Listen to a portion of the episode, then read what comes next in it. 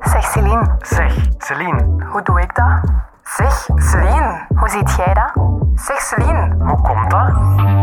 Hey, ik ben Celine, twintiger, ondernemer en diëtiste.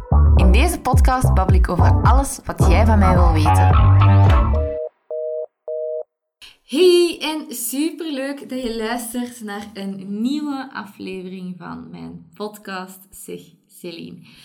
In deze podcast ga ik de vraag beantwoorden. Zeg Celine, welke drie fouten maken diëters vaak als ze starten met luisteren naar hun lichaam of stoppen met diëten of intuïtief eten?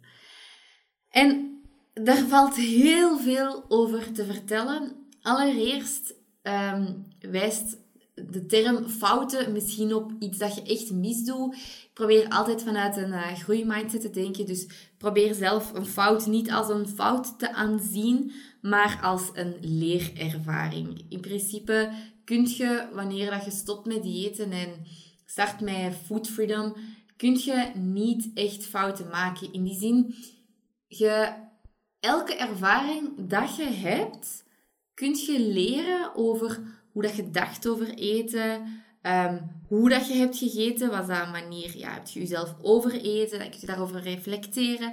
Dus echt fouten binnen de visie die ik wil uitdragen, kun je nooit echt maken. Maar ik zie gewoon drie veel voorkomende dingen die mensen vaak doen, waar het mogelijk kan mislopen, waardoor dat ze ja, denken van ja, dit werkt helemaal niet voor mij. Um, de typische ontkenningsfase dat we heel vaak zien. Ja. En de eerste fout, en als je in je proces zit, dan gaat je die hoogstwaarschijnlijk wel herkennen. Hopelijk van in het begin, toen dat je zegt gestart. Maar de eerste is blijven op de weegschaal staan. Omdat je... Mensen zijn vaak heel bang om die weegschaal los te laten. Want ze denken dan van, ja, maar ik moet toch zien wat mijn getal doet, want ik wil echt niet bijkomen. En begrijp dat. ik bedoel, er zijn mensen die willen bijkomen die dan weer um, naar hun gevoel te weinig wegen. Maar de meerderheid van de vrouwen wil niet aankomen. Dus ik begrijp ook um, dat mensen dan op zoek gaan naar de controle in die weegschaal. Maar wanneer dat we starten, want we, we, starten, we stoppen met diëten omdat we ervan overtuigd zijn, alright, dat werkt niet voor mij. Dan moet je maar eens op je eigen verleden gaan reflecteren, dan ga je dat heel vaak wel zien, dat je op dit moment mogelijk ja, meer weegt dan dat je ooit gestart bent. Dus daaruit weten we, ja, het werkt niet. Um, want die promoten niet gewichtsverlies en uiteindelijk kom je alleen maar in die end komen we alleen maar bij. En bij intuïtief eten mocht je de wens hebben om af te vallen, maar weten we dat dat wel even op de achtergrond moet staan, want het is onmogelijk om te gaan luisteren naar de signalen van je lijf als jij nog in een dieetmindset zit of als je nog gefocust bent op afvallen. Waarom? Als je bijvoorbeeld dan uh, je hebt lunch gegeten en je hebt op, om één uur honger en je denkt vanuit, ja, maar het kan niet dat ik honger heb, want ik heb een uur geleden gegeten. Dan gaat je dus niet luisteren naar je hongersignaal, met als resultaat heel vaak dat we dan thuiskomen uh, met eten. Ja, dus dat gaat ook niet helpen, die mindset, in die end om af te vallen. Heel vaak krijgen we er vaak extra eetbuien en zo door. Um, maar wanneer dat we gaan starten met luisteren naar ons lijf, dan moeten we door bepaalde uh, fases. En eerst is dat de fase van overwhelmed. Zo van, wat moet ik nu juist doen? En heb ik hier nu wel zin in? Heb ik hier goesting in? Ja, ik heb hier zin in. Dus ik eet het, maar dan voelen mensen zich er dan toch schuldig over. Dus dat is zo echt de heel bekende tussenfase. Dus in principe is dat eh, heel normaal ook, of heel goed ook om te weten dat is een normaal proces. Dat komt erbij kijken. Zo even die fase van, wat is dit allemaal? Ehm, maar, wanneer dat we dan gestart zijn en je begint op den duur misschien... Uh, dat zijn tekens van dat, dat het begint te werken. Je begint je honger op te merken. Je begint te stoppen als je verzadigd bent. Dat moet dan nog niet 100% van de tijd zijn. Dat mogen we trouwens ook niet verwachten, want ja, ik negeer soms mijn honger ook omdat ik even geen tijd heb om te eten. Dus we mogen, allez, verwacht ook niet dat je 100% alles perfect gaat doen, want dan gaat het opnieuw een dieet worden. Hè. Er moet echt wel ruimte zijn voor die flexibiliteit. Maar um, Als je dan op de weegschaal gaat staan, op het moment waarop dat je zo, oftewel nog overwhelmed bent, oftewel op een moment ja, dat je eens gewoon benieuwd bent, en je ziet een getal staan waarvan dat je denkt, ah fuck, dan kan het zijn dat je in paniek schiet. En dan kan het zijn dat je ineens helemaal terug wilt grijpen naar diëten. Dat is geen abnormale reactie. Opnieuw, ik denk dat, dat, dat zo'n dingen echt genormaliseerd moeten worden. Dat is een hele menselijke reactie, want het is ons aangeleerd dat aankomen het ergste is wat u bij wijze van spreken kan overkomen. onze maatschappij is zo ja, bezig met dun zijn en gezond zijn. Die twee staan niet aan, niet aan elkaar gelijk, maar voor de maatschappij wel. Dus we hebben een hele fatphobic maatschappij. Dus een maatschappij waarin dat we heel angstig zijn voor vet, maar ook voor aankomen in gewicht dus. Een heel belangrijke vraag dat ik mijn klanten dan vaak stel is, oké, je zag dat je dat op de weegschaal, je waart in paniek. Maar sta er eens bij stil welke voordelen dat je ondertussen al hebt mogen ervaren. En dan is dat vaak, ja, die zak chips ligt al drie weken in mijn kast. Ik denk niet meer constant aan eten. Uh, ik heb meer energie. Ik kan terug met mijn kinderen spelen. Dus dat, dat zijn eigenlijk hele mooie dingen die dat we dan ineens van tafel vegen en vergeten. En alleen nog maar gefocust zijn op dat gewicht. En die weegschaal, moet je weten, die geeft vaak een vals gevoel van controle. Want het gevolg van een getal dat je niet graag wilt zien, is heel vaak dat je je slecht voelt. En wanneer we ons slecht voelen, wat gaan we dan heel vaak doen? Eten. Dus het, het gaat ons ook niet helpen om dan controle te krijgen, want heel vaak gaan we net controle nog meer verliezen wanneer dat we die weegschaal, um, wanneer we dat getal hebben gezien, het naar ons gevoel slecht is en gaan emotie eten, onszelf terug harder restricties gaan opleggen, om dan terug te falen als je jezelf daar niet hebt aan kunnen houden en noem maar op. Dus die weegschaal is eigenlijk echt een mega, mega belangrijke om los te laten als je food freedom en uh, wilt gaan ervaren, maar ook algemeen. Het feit, ik heb zo ooit een quote gezien, ik ken hem niet meer van buiten, maar ik ga hem proberen uit te leggen. was zo'n quote van, ja, hè, als je het getal op de weegschaal ziet en je bent afgevallen en je bent gelukkig omdat je bent afgevallen of euforisch, dat is eigenlijk wel kut. Maar andersom ook, dat als je het getal op de weegschaal ziet dat je bent bijgekomen en, en je vindt dat kut, dat is ook kut. Of hey, een dag is, is om dat is ook kut. Wat dat wil eigenlijk zeggen dat je in twee richtingen je geluk laat afhangen van je getal op de weegschaal. En later gaat je dan echt denken, oh, uh, op mijn 25 was ik super gelukkig omdat ik 500 gram omlaag zag gaan op de weegschaal. Nee. Je mocht het, het euforische gevoel dat je voelt als je bent afgevallen, we mogen dat niet verwarren met echt diep, intens geluk. Um, dat is niet hetzelfde geluk als je ervaart wanneer dat je misschien net bevallen bent. Of wanneer dat je met je vriendinnen een zalig zatte avond achter de rug hebt. Of wanneer dat je mm, met je partner, uh, weet ik veel, je tien jaar samen hebt gevierd. ik zeg tien jaar, want ik ben in 2024, ben, zijn Florian en ik tien jaar samen. Ik heb nu al gezegd dat hij die dag moet vrijhouden. Oké, los daarvan, even een klein intermezzo. Um, maar het is toch ongelooflijk kut dat jij die jaren laat voorbij gaan, laat voorbij vliegen en terwijl alleen maar bezig zijn met hoe dat je eruit ziet. En vraag je ook af, als je misschien al kindjes hebt of als je kinderen wilt krijgen, ik weet ook dat er mensen zijn die geen kinderen willen krijgen, ook helemaal oké. Ehm, of als je bezig bent met kinderen krijgen, maar het lukt niet, dan wens ik u heel veel sterkte toe en wil ik zeggen, alles komt goed en ik duim voor u. Dat is altijd een belangrijke doelgroep dat ik niet wil vergeten. Maar als je dus al kindjes hebt, of je bent bezig met kindjes, maakt niet uit, of je hebt al grotere kinderen, vraag je ook af wat de boodschap is dat jij wilt meegeven. Is de boodschap echt dat jij wilt meegeven dat hun geluk ook moet afhangen van het getal dat ze zien op hun weegschaal? Waarschijnlijk niet. Maar je doet dat zelf wel. Zet er eens bij stil welke dingen dat je voor jezelf allemaal aan het doen bent en het jezelf moeilijk aan het maken bent, terwijl dat je anderen het helemaal niet zo zou toewensen. Je moet jezelf echt leren behandelen als dat je je bestie of je kind wilt behandelen en hoe dat je wilt dat zij het doen. En daar ook naar gaan handelen. Ja? Dus ja, stap 1 is dus eigenlijk eh, die weegschaal. Of, of, fout 1 of leerervaring 1 is alsjeblieft, ik smeek u, doe die weegschaal weg. um, hoe eng het ook kan zijn, hè, maar sta er eens bij stil welke effecten dat die weegschaal al op je humeur heeft gehad, op je eetpatroon heeft gehad. Probeer daar even op te reflecteren, want van daaruit vinden we vaak wel motivatie ook om er dan niet te gaan opstaan, hoe eng dat het ook is. Fout 2 is dat we vaak te snel resultaat willen.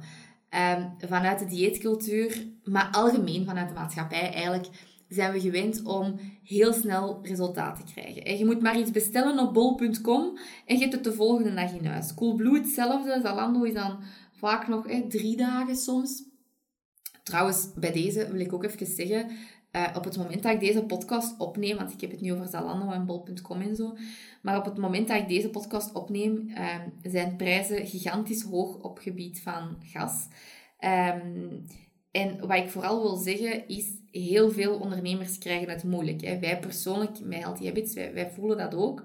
En het doet dan altijd pijn om te horen, alhoewel dat ik het ook begrijp, maar dat bijvoorbeeld mijn boek, dat dat op bol.com wordt besteld. En ik begrijp dat, hè, want dat, je moet daar geen uh, leveringskosten betalen. Bij mij wel, want ik kan niet tegen een speler als bol.com um, ehm, opboksen.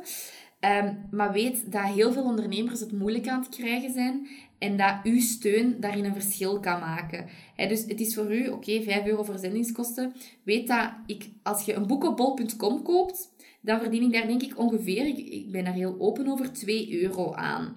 Terwijl als je het bij mij bestelt, ligt dat rond de 5 à 6 euro. Je kunt je dus inbeelden dat je echt niet rijk wordt van boeken schrijven. Maar los daarvan, probeer lokaal te kopen. Alle kleine ondernemers, alle kleine boutiquesjes, die zijn er allemaal aan het uitgaan, omdat we met z'n allen bij een bol.com, bij een Zalando, uh, allemaal daaraan bestellen zijn. Oké, want dat is cheap. Dat is trouwens ook wel niet goed voor het milieu. Want mensen die dan zo drie paar schoenen bestellen en dan een elf terugsturen, dat is echt slecht ook voor het milieu. Uh, maar los daarvan wil ik dat toch even uitlichten, omdat dat iets is dat... gaat ook helemaal niet over deze podcast eigenlijk, maar oké. Ehm, het is gewoon, het kan echt een verschil maken voor een kleine ondernemer dat je lokaal bestelt. En we willen toch niet naar een wereld gaan waarin dat we ehm, alleen nog maar met grote spelers zitten, zoals een Zalando en een Bol.com en zo. En dat alle leuke kleine winkeltjes allemaal weggaan, omdat die ons kapot concurreren. En wij dat gewoon niet aan kunnen en wij geen winsten zouden draaien als we daartegen moeten concurreren. Dus dat wou ik gewoon nog wel even zeggen. Ehm, ja, kijk shop alsjeblieft lokaal en denk echt aan ondernemers die het moeilijk hebben en probeer daar bestellingen bij te doen als je dat niet zoekt, omdat je voor ons een waanzinnig groot verschil maakt. Oké, maar wat ik dus eigenlijk aan het zeggen was, is uh, we bestellen iets op bol.com en we hebben het een dag daarna. En dat is heel satisfying, want wij willen snel bevredigd worden in hetgeen wat we willen. Dat is heel normaal en heel menselijk. Maar dat strekt zich door in heel veel dingen. Hetzelfde met afvallen. Je wilt liefst morgen ineens 10 kilo kwijt zijn zonder er moeite voor te moeten doen. Dat klinkt heel mooi. Dat gaat niet. Als we het verkopen, red flag, run away. um, maar we willen heel snel resultaat. En binnen intuïtief eten is succes niet gelijk aan een bepaald gewicht, maar wel aan bijvoorbeeld geen schuldgevoelens meer hebben, niet meer constant cravings hebben, je eetbuien dat heel vaak minderen. Dat is ook, dat, ik krijg veel berichten vaak van klanten na een maand van, oh my god, ik heb geen eetbuien meer. Of nog maar eens één keer om de maand. En dan, oh, dan maak, maak, ik altijd een vreugdesprongetje, want dan denk ik, ja, ze hebben het door van waar een eetbuien komen. Ze hebben het onderzocht. Ze kunnen het op zichzelf toepassen. Uh, maar bijvoorbeeld, eh, dus geen eetbuien. Minder uit emotie eten. Um, omdat je je emoties leert aanvoelen. Dat leer ik u trouwens in mijn digitale traject. Um, dus eh, minder emoties leren eh, aanvoelen, vaak meer bewegen, algemeen voedzamer eten, minder zwart-wit denken, dus echt ja, psychologische flexibiliteit hebben. Dat zijn eigenlijk allemaal uh, signalen waarin dat je kunt merken van, ah, um, intuïtief eten werkt. Maar in een beginstadium heb je dat nog niet. Hè. In het beginstadium zit je nog helemaal vaak overwhelmed en, en, en, en ja, kun je je honger zelfs vaak niet aanvoelen. Want als je heel veel gedieet hebt, dan voelen mensen vaak hun honger ook niet meer. Dus je moet dat eerst herstellen vooraleer dat je het gaat voelen. Dus um, het, het ding is dat luisteren naar je lijf en bewust worden van eetbuien, emotie eten, honger, drang, goesting, al die dingen dat daarbij komen kijken dat dat tijd vraagt. En vooral reflectie op je eigen gedrag en dat dat dus geen quick fix is waar dat je na een week resultaat hebt. Jammer genoeg.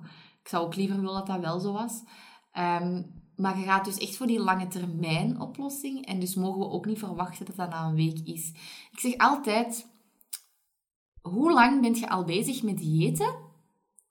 En vaak is dat, dan krijg ik antwoorden afhankelijk van je leeftijd. 10 jaar, 5 jaar, 25 jaar, 30 jaar. En dan zeg ik ja. En hoe lang bent je gestart met intuïtief eten of naar je lijf luisteren? Ah ja, één maand. En dan zeg ik, maar dat is super normaal dat je dat wilt, maar verwacht dat niet, want je legt jezelf alleen maar druk op door dat te verwachten. Dus sta er echt met een open mindset naartoe en, en of heb een open mindset en, en denk gewoon, ik doe dit omdat ik ineens gelukkig wil worden met mezelf. Ik wil een gezonde relatie met eten krijgen en ik omarm het proces. Dat vind ik heel mooi gezegd van mezelf. Ik omarm het proces en ik focus me minder op het doel. Dat zijn we van nature allemaal gewoon om te doen. Ehm, ik zeg altijd, je hebt een beetje de vrouwelijke kant in u en je hebt de mannelijke kant. En sommige vrouwen hebben meer vrouwelijke kant, anderen hebben meer mannelijke kant. Mannelijke kant is dat je echt heel hard gefocust bent altijd op doelen behalen. Meer, beter, sneller. En vrouwelijke kant is echt ja, focussen op vertragen, op uh, het proces, op intunen met wat goed voelt voor u. En heel veel diëters hebben meer van dat mannelijke in zich. In die zin dat ze gewoon snel resultaat willen. Dus wees u daarvan ook bewust. En perfectionisme speelt daarin een belangrijke rol. Hè?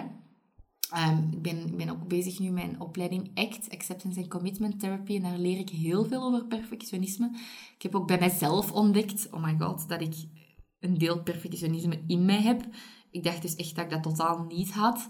Omdat, ja, bijvoorbeeld over slides of zo, als er dan uh, iets niet helemaal recht staat, ik kan dat echt loslaten. Dat boeit mij niet zo heel veel.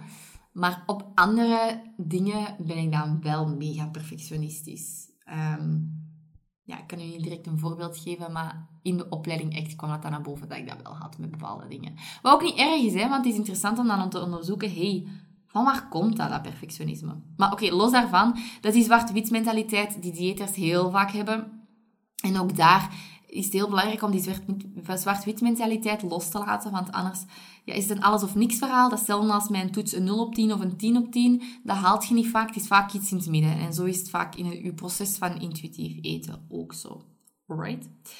Oké, en dan de derde. Ik, ik gebruik het, woord fout niet graag eigenlijk, want dat voelt alsof dat je iets verkeerd doet. En ik wil dat je het vooral een leerervaring ziet. Maar oké, zo noemt de titel van de podcast nu, dus ik kan er niks meer aan veranderen. Uh, en dus een, een laatste is eten zonder na te denken. Ook wel impulsief eten genoemd. En dat, wat we daar eigenlijk gaan doen is eten zonder in te tunen met ons lijf. Dat is dus eigenlijk hetgeen wat haaks staat op intuïtief eten. Omdat we gaan dan vaak s'avonds in de zetel, dan hoor ik vaak van mensen dat ze dan zeggen, ja, dan had ik zin in chips. Dus ja, intuïtief eten, dan mag ik toch chips hebben. Dus ze gaan dat dan eten, zonder eigenlijk stil te staan bij van waar, van waar komt die nood nu? Uh, ja, allerlei andere vragen dat ik ze dan leer in mijn trajecten. Ze gaan dan eigenlijk heel vaak breinloos eten, zonder stil te staan bij hun lichaamssignalen en waar ze dan nood aan hebben. En dan zien, zien we vaak gewichtstoename in the first place, omdat ze meer gaan eten. Gewichtstoename uh, um, ja, wordt dan al zien als het ergste wat er kan gebeuren, dat heb ik al gezegd. En mensen raken in paniek en stoppen met intuïtief eten, omdat ze vinden dat het niet werkt. Dus dat eten zonder na te denken, dat is iets waar ik in het begin altijd al van mijn um, cursussen of trajecten over waarschuw. Van dat kan gebeuren, maar doe dit en dit en dit om dat te voorkomen. Zodat je niet in die fase van hele overwhelm terechtkomt. Ja. Um, heel vaak is dat een fout dat ik zie bij mensen die ook gewoon um, ja, niet, niet thuis zijn in het verhaal van intuïtief eten. Gewoon de term gehoord hebben en dan maar denken, ik ga dat doen. Intuïtief eten wordt ook gewoon heel vaak als een dieet omschreven in de media. Hè? Um, het nieuwe dieet om je gezond gewicht te bereiken. En dus daar kan ik zo hard de kriebels van krijgen, want het is, intuïtief eten is gebouwd, allez, gebouwd, dat framework is uitgevonden in 1995, mijn geboortejaar. Um, it was meant to be. um, dus in mijn geboortejaar is dat uitgevonden. En dat is eigenlijk uitgevonden voor mensen dus een verstoorde relatie met eten en eetstoornissen. En het wordt nu aanzien als iedereen moet intuïtief eten, want het is het nieuwe dieet. En alhoewel ik er zeker akkoord mee ben dat intuïtief eten een heel mooi framework en concept is, moeten we niet, allez, mogen we niet vergeten dat heel veel mensen dat van nature nog steeds doen. Of dat er mensen zijn die een perfect gezonde relatie hebben met eten, maar die moeilijk vinden om naar hun verzadiging te luisteren en die dus eigenlijk maar nood hebben aan één stap of één principe binnen intuïtief eten. Um, dus, dus het is zo niet een one size fits all of zo, wat, wat media heel vaak doet uitschijnen. Maar dat is weer een ander verhaal. Ik ga hier niet mijn um, frustraties over de media beginnen te uiten, want ik heb, ik heb gewoon geen zin om in negativiteit uh, te gaan. Dat is af en toe een keuze dat je moet maken van, ga ik erop ingaan en ga ik vechten, of ga ik gewoon hier niet over ingaan. Dat is ook zo, zo kun je dat ook doen trouwens met um, collega's die praten over diëten en zo. Je kunt ermee in discussie gaan, hè, maar dat, dat, heeft toch geen zin. Die zijn zo in love met hun dieet, dat heeft geen zin om daarmee in discussie te gaan. Dus verspil je energie daar niet en focus je vooral op jezelf. En ik denk dat dat een mooie is om mee af te sluiten. Focus op jezelf. Vergelijk jezelf niet met anderen, enkel met de versie die je gisteren was. Ik heb zo nog heel wat filosofische dingen dat ik kan zeggen, maar die zal ik misschien uh, voor een andere podcast houden. Alright? Laat zeker weten wat je van de aflevering vond. Dat mag altijd via Instagram, via mail. Maakt me niet zo heel veel uit. Ik vind het altijd fijn om te lezen wat je ervan vond. En vergeet de podcast ook zeker niet te delen op je Instagram stories of Instagram stories. Ik weet eigenlijk niet van waar dat, dat Engels tintje komt. Instagram stories, dat klinkt zo... Ja... Je weet wat ik wil zeggen. Dus Instagram stories. Uh, vroeger noemde ik het ook al Insta-G. los daarvan ga ik de podcast beëindigen. Maar dus je mocht uh, altijd delen op je Instagram stories. En vergeet mij niet te taggen op healthyhabits.celine. En geef de podcast ook zeker door aan uw collega's dat diëters zijn, zodat ze mij kunnen leren kennen en mogelijk een nieuwe manier van eten leren ontdekken. Alright? Tot volgende week. Doei doei! Om te luisteren naar deze aflevering. Heb je zelf nog een Zeg vraag, dan kun je die altijd insturen via de link in beschrijving.